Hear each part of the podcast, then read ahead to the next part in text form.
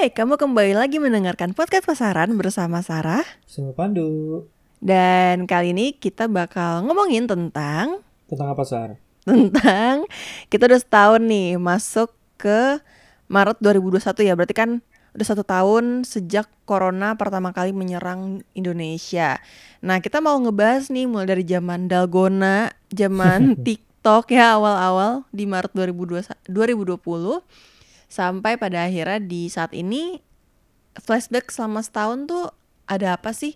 Tren-tren yang bikin kita tuh semua jadi FOMO gitu ya. Jadi kayak aduh nggak pengen ketinggalan.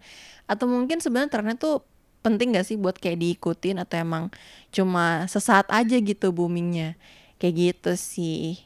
Ya, kalau misalnya kamu ingat kalau di 2020 pas awal-awal itu kalau nggak salah itu dimulai dari waktu itu kan sempet WFH, jadi rame WFH kan, gitu. Mm-mm. Jadi penerapan PSBB awal, terus juga ada beberapa, ya banyak lah gitu peristiwa kita sempat bahas di um, episode-episode sebelumnya gitu. Ketika di awal-awal mungkin bagi yang belum dengar bisa didengar gitu. iya benar Eh, eh, di 2020 kita ngomongin apa aja tentang eh, COVID dan segala macamnya. Nah, saat itu kan kalau nggak salah tren pertama itu mengenai dalgona ya?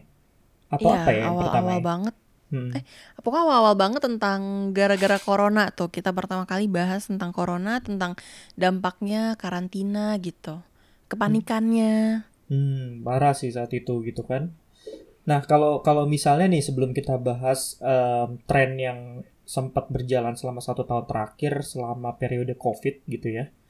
Em, kalau kamu sendiri gitu, apa yang berbeda dari awal gitu kan? Kalau nggak salah kan pasien COVID pertama itu kan sekitar 2 Maret waktu itu kan.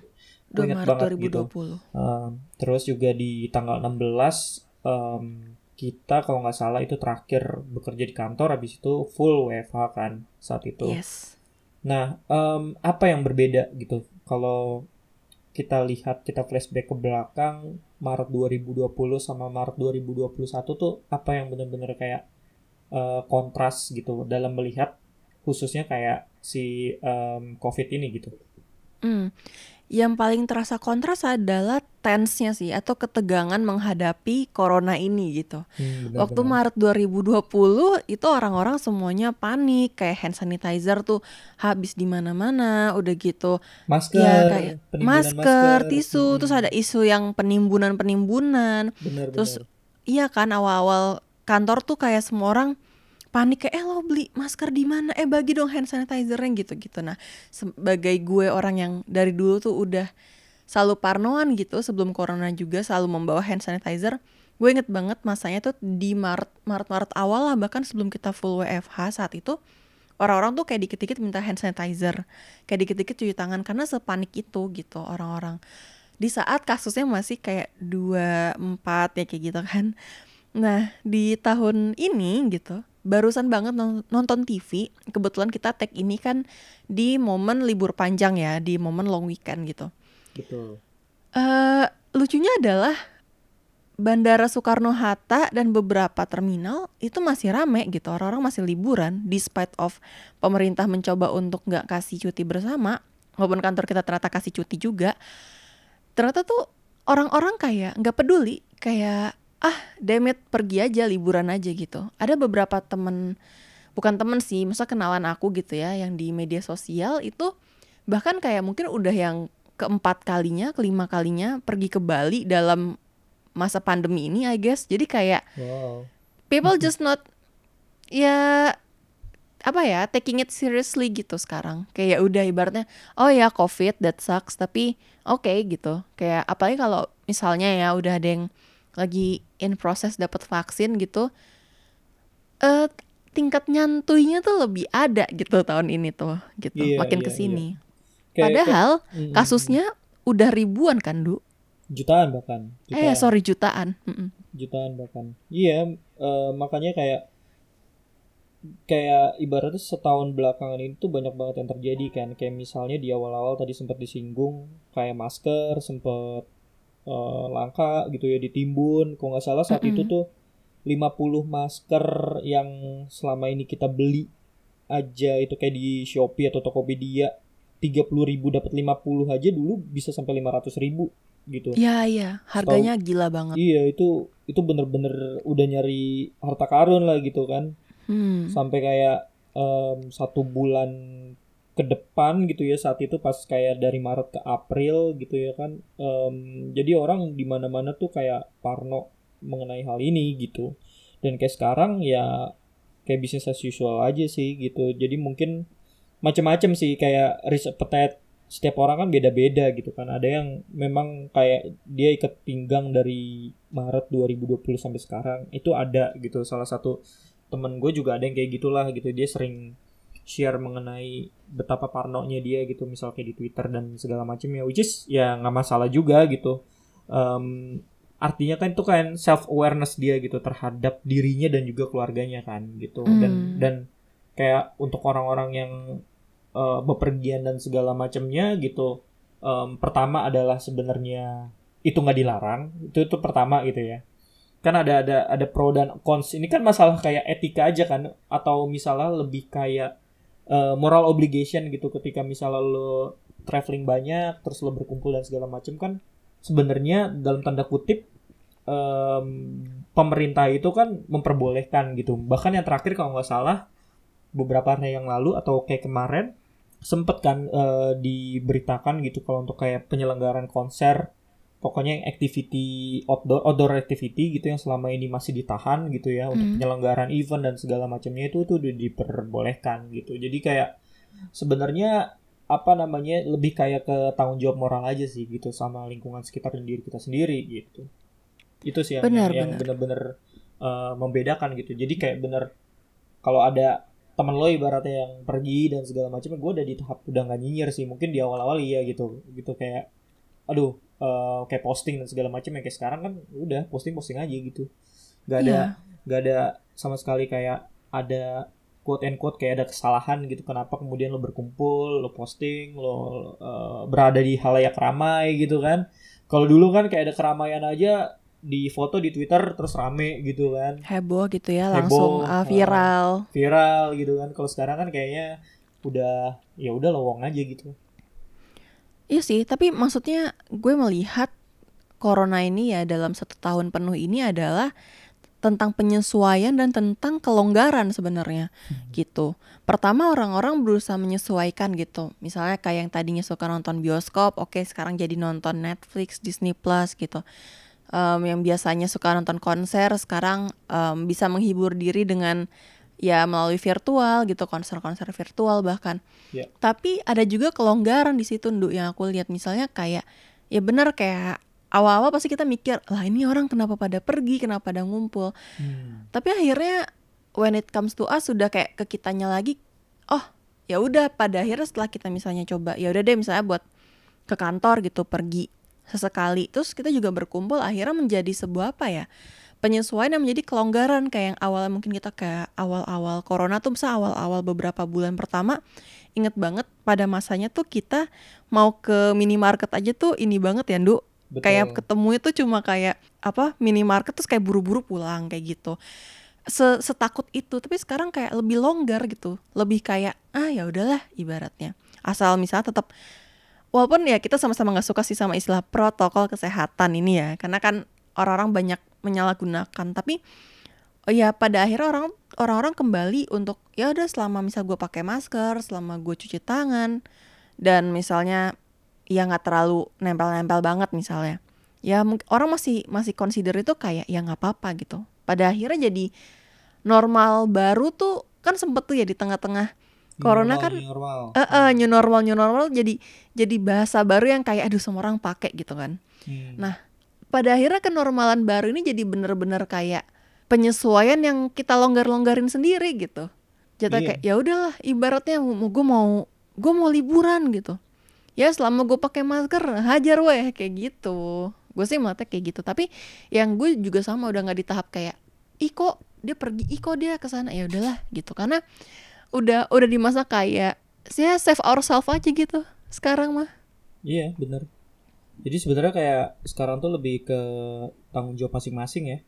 Mhm. gitu ngeliatnya kayak tanggung jawab masing-masing gitu Em, ya bahkan dua minggu yang lalu kalau nggak salah salah satu teman gue nelpon gitu Em, woi gue gue kena covid gitu ngabarin kan. Dia foto tiba-tiba em, lagi di rumah sakit gitu.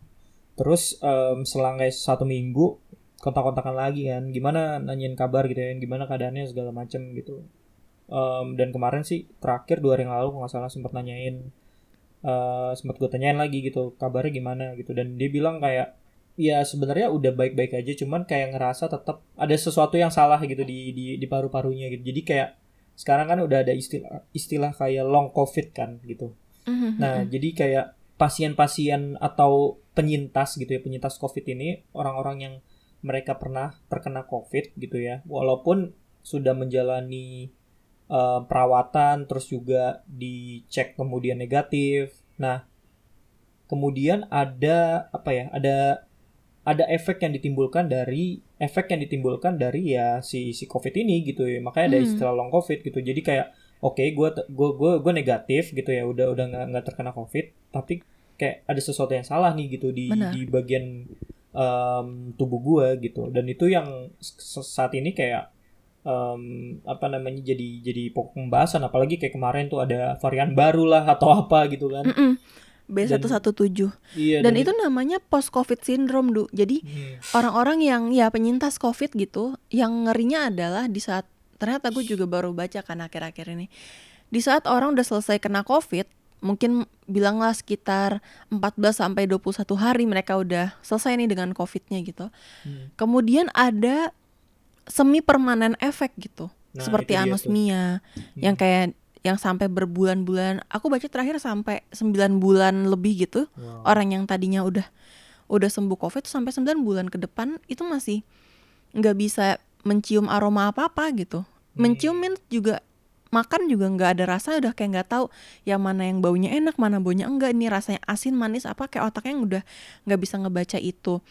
Em, terus juga ya seperti paru-paru yang jadi lemah dan Hmm. kan kalau nggak salah tuh aku pernah baca juga satu artikel yang em, penyintas yang pertama tuh yang kasus pertama covid yang cewek itu yang itu dia jamu itu ya iya yang yang dikasih apa namanya acara itu Hmm. yang Ada- dibikin ada- acara itu dibikin pokoknya heboh acara. banget lah pa- Hmm. pada masanya Eh itu dia kalau nggak salah ya kena penggumpalan darah gitu sama Oh. rambutnya gampang rontok hal yang kayak gitu jadi Hmm. ternyata ibaratnya gini kita menghadapi mental kita udah kayak disiapin untuk oh, oke ini ada covid nih ada covid 19 ternyata ada lagi virus baru namanya B117 Eh, seiring dengan vaksin yang baru banget banget banget mau masuk untuk covid 19 gitu tiba-tiba kita udah tahu lagi nih penyintas-penyintas yang berbagi cerita bahwa mereka udah selesai dengan covid 19 ya ternyata ada lagi post covid syndrome yang sampai detik ini kita belum tahu apakah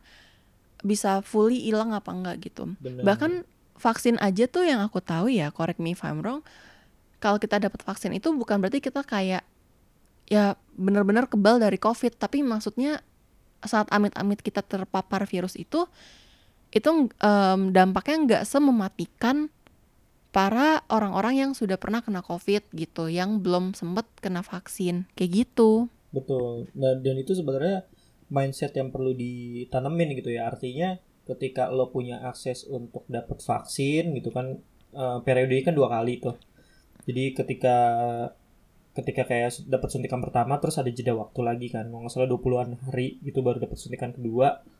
Nah, eh, mindset yang harus ditanemin adalah ketika lo udah menerima vaksin gitu ya. Vaksin yang Mm-mm. pertama dan kedua gitu. Nah, lo tuh em, nggak kemudian menjadi kayak tekbal bahasanya gitu. Nggak nggak kebal terhadap si covid ini gitu. Itu cuman vaksin itu cuman mengurangi dampak eh yang tadi yang dibilang gitu yang yang mematikan gitu. Artinya kayak kita em, apa namanya kayak flu gitu kan. Tubuh kita Hmm. tuh udah mengenali gitu. Oh oh ini ini covid nih. Em, apa namanya tubuh tuh harus kayak gimana untuk bereaksi gitu. Sebenarnya itu aja gitu artinya ya lo tetap bisa terkena covid gitu. Cuman em, apa namanya dampaknya atau efeknya itu nggak semematikan ketika lo sebelum menerima vaksin. Itu sih kayaknya benar. yang yang perlu di perlu diketahui uh, gitu. Makanya kemarin sempat uh, ada video viral kan tuh yang si Ariel ngobrol sama Sule ya kan di podcastnya Sule tuh. Mm, bagaimana mm. si Ariel tuh bisa menjelaskan mengenai vaksin itu dengan um, dengan baik gitu dia kan salah satu juga influencer yang mendapat akses untuk menerima vaksin kan gitu. Benar. Nah di di podcast itu setahu aku eh, setahu gue juga kayak dia dia menjelaskan gitu emang vaksin itu seperti apa?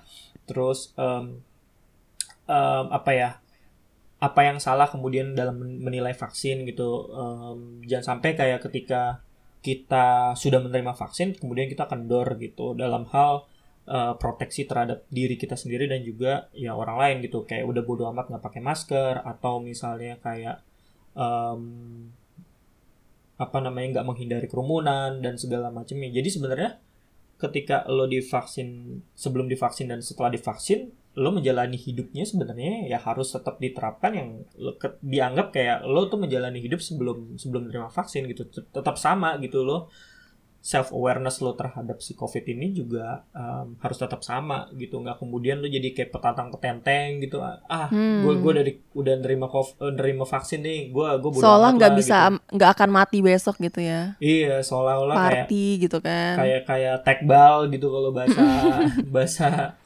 bahasa tongkrongannya gitu kan. Gitu. Sebenarnya nggak kayak nggak kayak gitu gitu sih Benar-benar. Karena ada beberapa ya, kita tahu lah kemarin juga sempat ramai kan influencer yang baru disuntik sekali tiba-tiba udah kumpul-kumpul nah, dan juga postingnya hmm. kayak gitu. Padahal yang aku baca vaksin itu kan maksudnya um, prosesnya adalah kita ada dua kali suntik dan dua minggu setelah suntikan kedua itu baru dianggap um, the vaccine works gitu.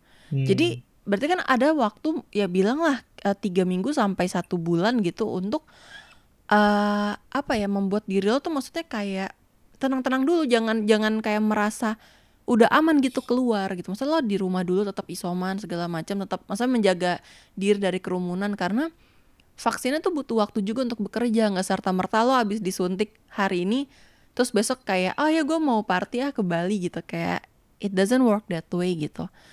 Itu sih yang juga perlu um, kayak orang-orang tuh tahu juga kan ada beberapa yang kayak eh gue mau, mau banget vaksin nih gue nggak sabar pengen liburan. Enggak gitu juga sih mentalitinya gitu. Iya bener. Uh -uh.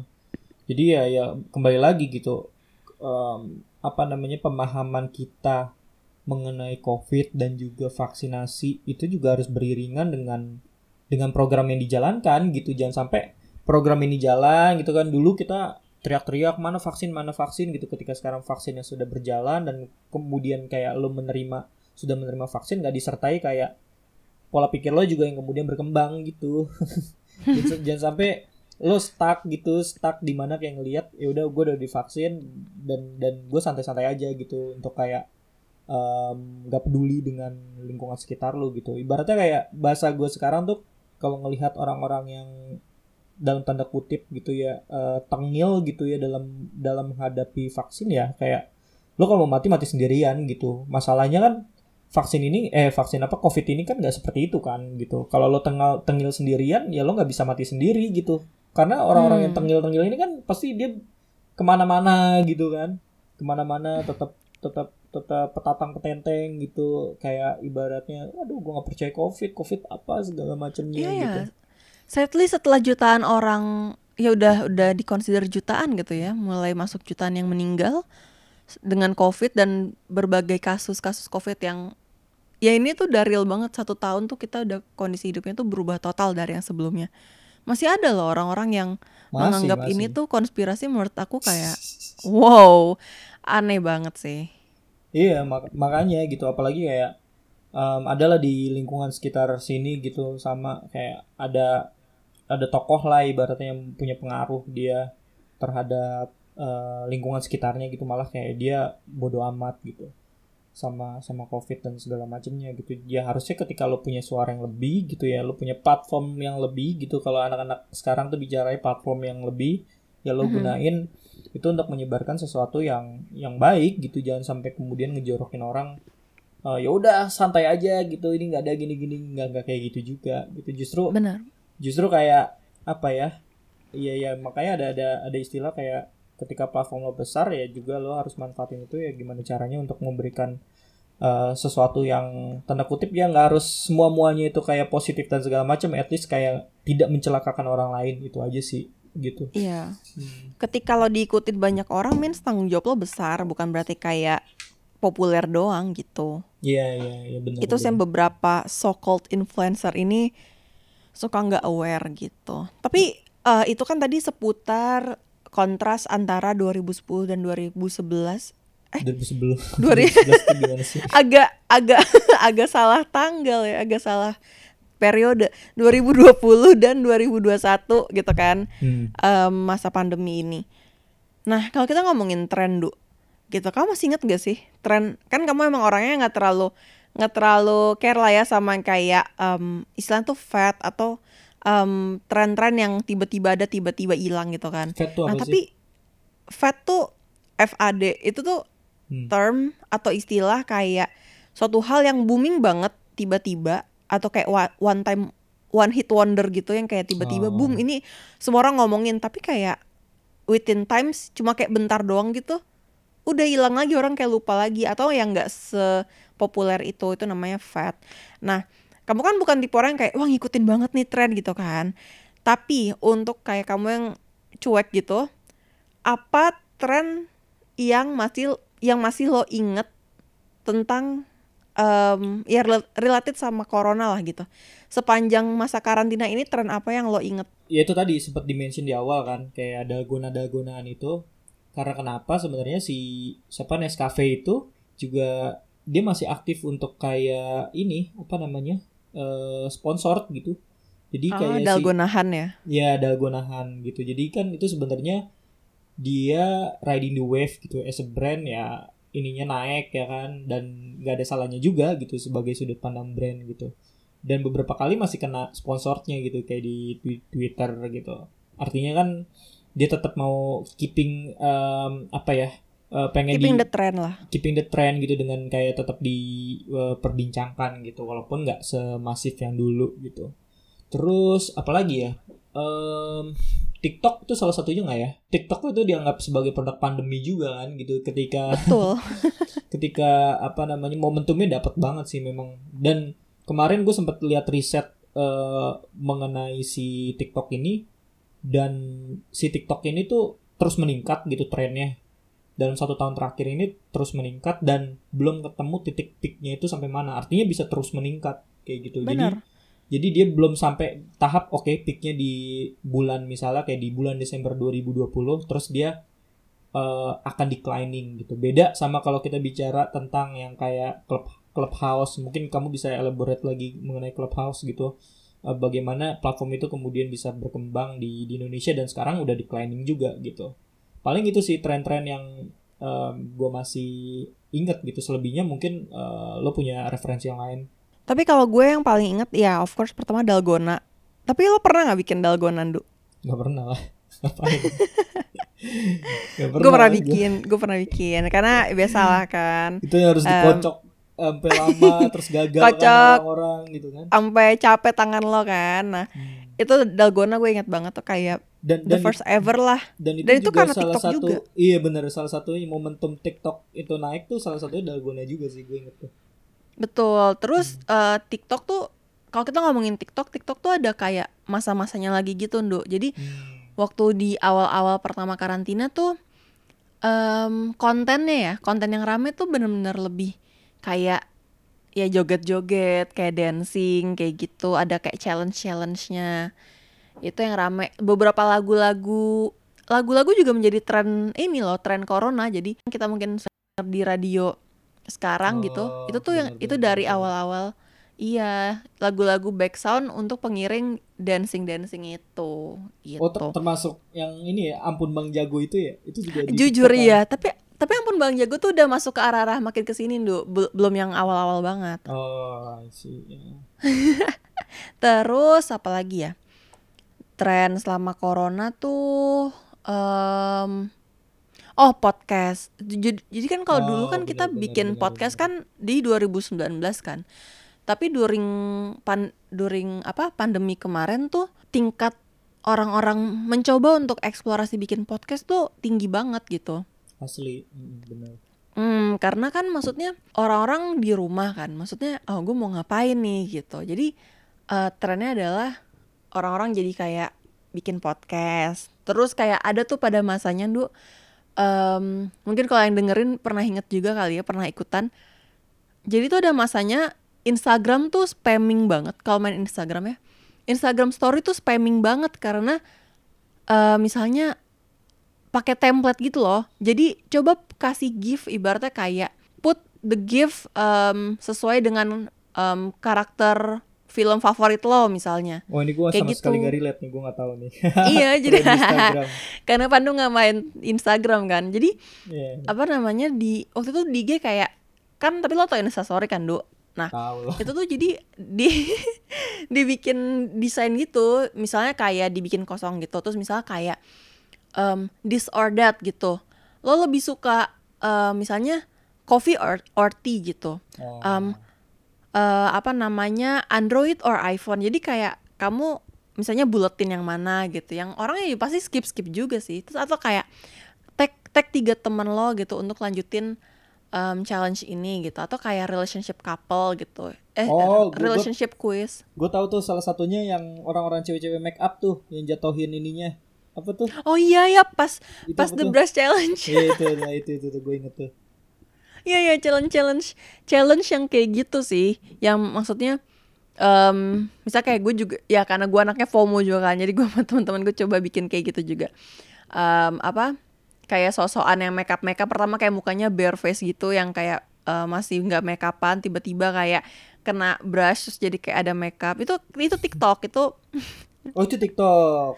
itu TikTok juga oh, Dalgona. terus pas The Brush Challenge. Oh terus hmm. ini apa namanya? Um, aku nggak tahu ya kayak spesifik namanya tuh apa gitu. Tapi ada tren di TikTok tuh yang kayak misalnya kita tuh kayak main kayak main ular tangga gitu. Jadi kita hmm. kayak memanjang ke belakang. Terus ada kayak this or that versi TikTok. Jadi kalau di Instastory kan buletin. Hmm. Kalau kalau ini tuh misalnya kayak misalnya kita berdua cerita main aduh ini cringe banget misalnya kayak um, misalnya um, balas chat cepet sama balas chat lama gitu misalnya kayak gue ke kanan means gue balas chat cepet lo kayak oh. balas chat lama misalnya kayak gitu kayak gitu ada yang kayak yeah, gitu gitu misalnya yeah, kayak yeah, yeah. apa namanya terus kadang-kadang tuh kontennya kayak makin lama makin kayak disisipi dengan um, sexual jokes gitu. Bisa kayak di dalam atau di luar oh, kayak gitu-gitu. ngerti ngerti iya iya iya iya. Iya ya itu juga tren. Nah yang paling baru sih ya clubhouse sih. Oh enggak enggak, enggak. sebelum clubhouse sepeda. Kalau ini pasti Pandu oh, relate karena betul betul. Karena Pandu anaknya sepeda banget sama pandemi. Iya bener-bener dan dan itu sekarang trennya juga uh, berubah tuh tren sepeda gitu. Jadi kayak dulu orang pada main sepeda lipat kayak sekarang semua road bike gitu. Terus ada lagi kayak um, apa lagi ya? Ya paling gitu sih mentoknya mentoknya di road bike sih kalau kalau yang gue lihat kayak gitu sih. Sama um, apalagi ya, ya kita sempat sempat bahas sih um, mendetail untuk untuk ngebahas mengenai sepeda gitu. Hmm. ya paling ya, tadi deh um, bisa jelasin yang si clubhouse tadi. Oh sebelum kita ngomong yang clubhouse terakhir tuh kalau mumpung aku masih ingat trennya adalah wisuda ini wisuda dan nikahan online. Itu sampai sekarang sih. Nah itu sampai sekarang. Itu yang itu yang bener-bener new normal banget sih. Kayak wisuda itu jadinya online. Itu adik gue kayak gitu tuh kemarin. Wisuda apa namanya SMA-nya kena dia online. Terus sekarang mereka juga kuliahnya daring ya kan online.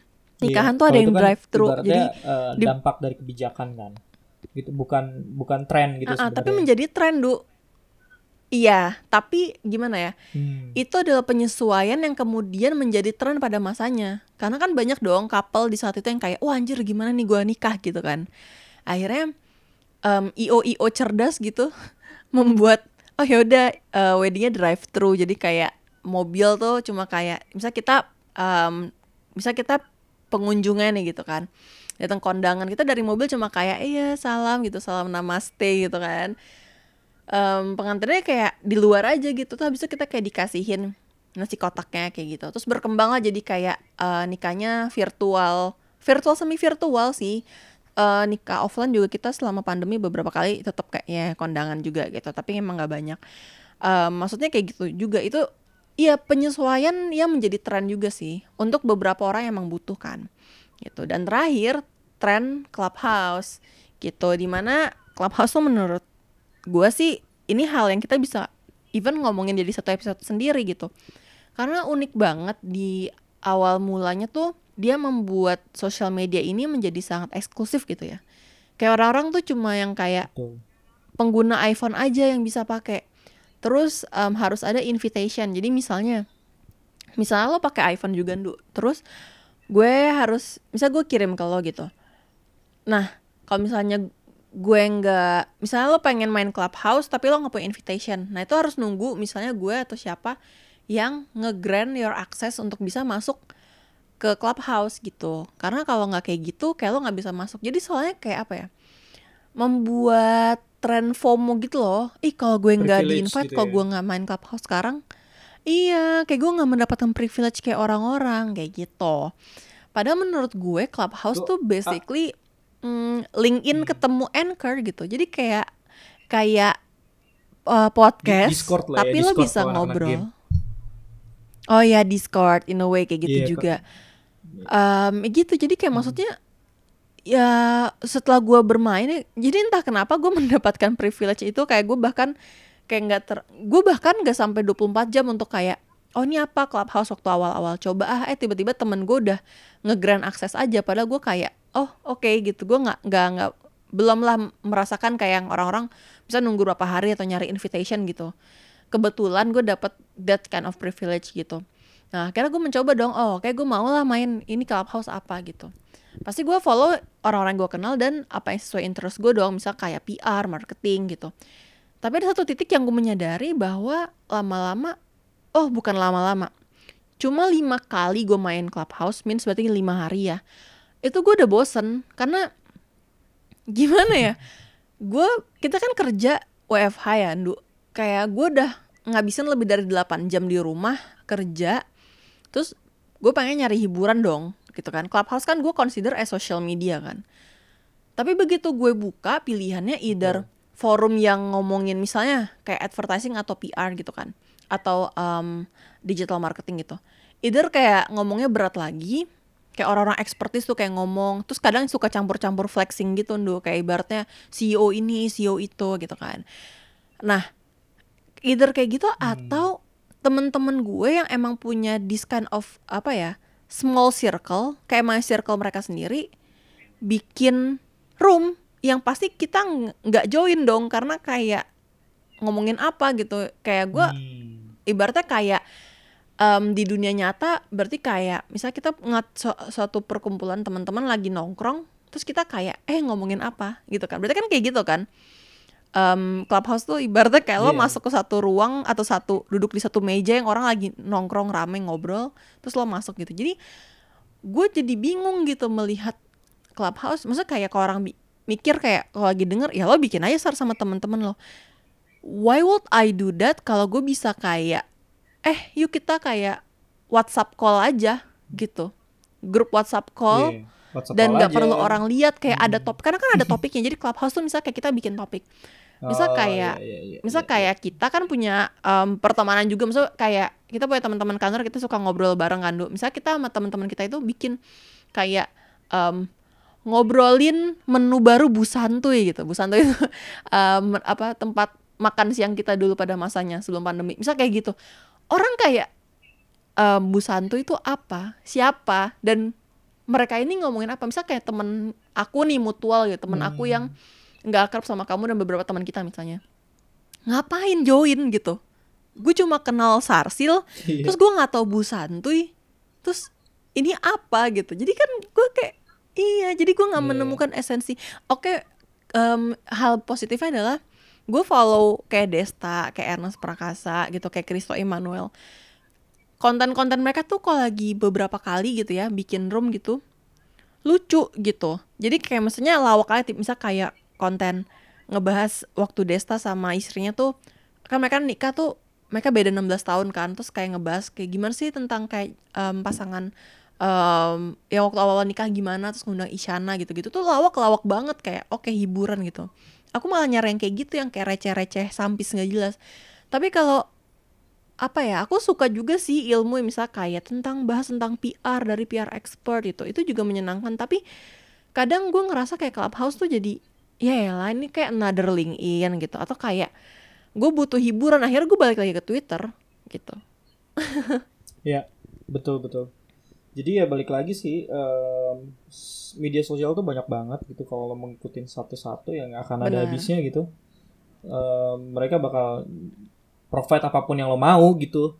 Dan dan ya balik lagi kayak kita ngebahas covid uh, udah setahun ini gitu ya kan.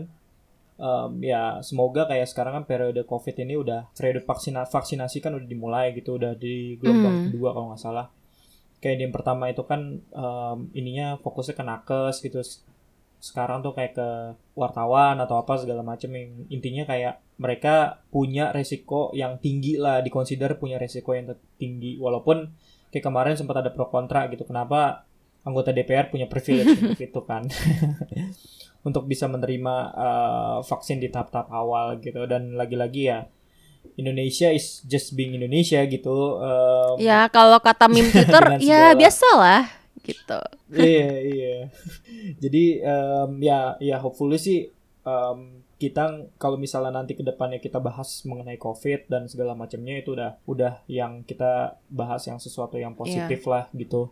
Uh, kita ngelihat kayak ada secercah harapan setelah kayak satu tahun setiap orang tuh punya um, apa namanya perjuangannya masing-masing untuk melewati COVID ini gitu mereka yang kehilangan pekerjaan mereka yang kehilangan uh, anggota ah, keluarganya uh, akibat COVID dan segala macam. Jadi um, semoga ya ketika si periode ini mulai dan dan ibaratnya gue bisa dapat akses uh, vaksin terus juga lo juga menerima akses itu keluarga kita juga menerima um, apa namanya akses itu juga mungkin yang ngedengerin juga bahkan udah bis udah nerima um, vaksinasi um, bagi yang belum gitu ya juga kita inilah sama-sama berharap untuk bisa dapat mm-hmm. akses secepat mungkin. Dan yang perlu dicatat adalah ya tadi gitu ketika lo udah divaksin gitu kan nggak kemudian lo menjadi longgar gitu nggak kemudian lo menjadi ignorance gitu untuk kayak bodoh amat gitu uh, terhadap diri lo sendiri. Ini gue bilang uh, diri lo sendiri karena itu itu penting gitu. Karena kan